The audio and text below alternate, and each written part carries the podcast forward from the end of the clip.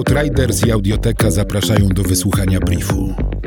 Cotygodniowego przeglądu ważnych informacji ze świata.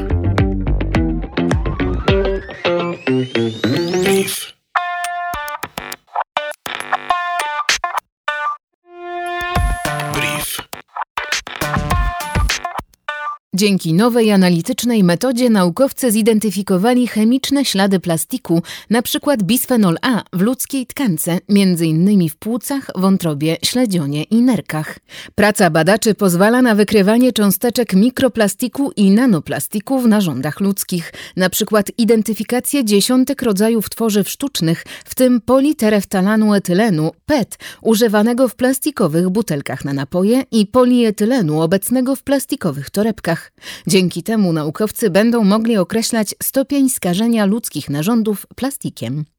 Według Plastic Oceans każdego roku na świecie produkowanych jest około 300 milionów ton odpadów z tworzyw sztucznych. Cząsteczki mikroplastiku mają średnicę mniejszą niż 5 mm, a nanoplastiku mniejszą niż 1 tysięczna mm. Powstają głównie w wyniku ścierania się większych kawałków plastiku w środowisku. Badania przeprowadzone na zwierzętach dzikich i laboratoryjnych wskazują na związek między spożywaniem cząsteczek tworzyw sztucznych a bezpłodnością, stanami zapalnymi i nowotworami. Ponadto chemikalia używane do produkcji plastiku mogą powodować otyłość, cukrzycę, choroby serca i choroby układu nerwowego. Podczas trawienia plastiku w żołądkach ptaków morskich mogą powstawać toksyczne substancje, których szkodliwy wpływ na zwierzęta może ujawnić się w późniejszym czasie. Odkrycie opiera się na analizie oleju żołądkowego fulmarów zwyczajnych żyjących na wybrzeżach Wielkiej Brytanii. Według najnowszych badań w Oceanie Atlantyckim w warstwie do 200 metrów głębokości 5% objętości oceanu unosi się od 12 milionów ton do 21 milionów ton mikrocząsteczek plastiku. Według szacunkowych obliczeń oznacza to około 200 milionów ton tworzyw sztucznych w całym Oceanie Atlantyckim, co najmniej 10 razy więcej niż dotychczas sądzono. Część działaczy na rzecz ochrony środowiska twierdzi, że obecnie można znaleźć na plażach więcej jednorazowych maseczek niż plastikowych toreb. Ilość plastiku dostającego się do oceanów prawdopodobnie potroi się w ciągu następnych 20 lat.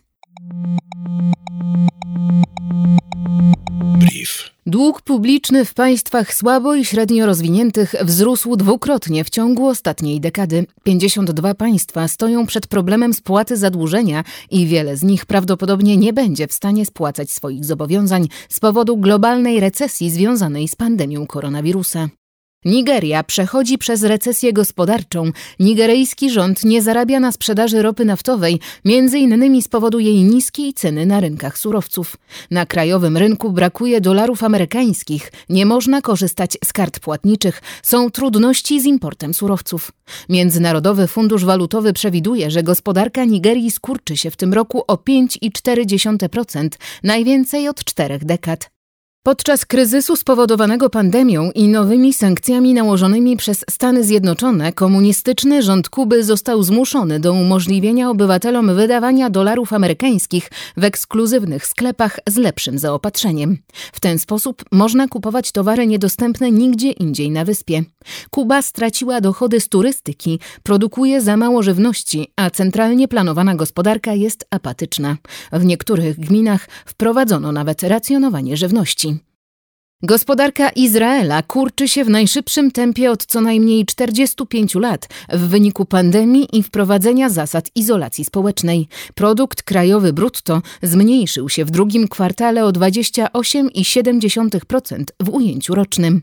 Konsumpcja prywatna spadła o 43,4%, import o 41,7%, a produkcja sektora przedsiębiorstw o 33,4%. Gospodarka Japonii skurczyła się o 27,8% w drugim kwartale 2020 roku w ujęciu rocznym, co jest najgorszym wynikiem w historii. Konsumpcja prywatna spadła w tym czasie o 8,2%, a eksport o 56%. Od połowy marca 2020 roku, kiedy na świecie wprowadzono zasady izolacji, cena złota wzrosła o prawie jedną trzecią. W tym samym okresie bitcoin prawie potroił swoją wartość. Brief Outriders. Nowe wydanie co piątek do posłuchania na lekton.audio ukośnik brief. Brief. Powtórki przez cały kolejny tydzień na Spotify i w Twojej aplikacji podcastowej.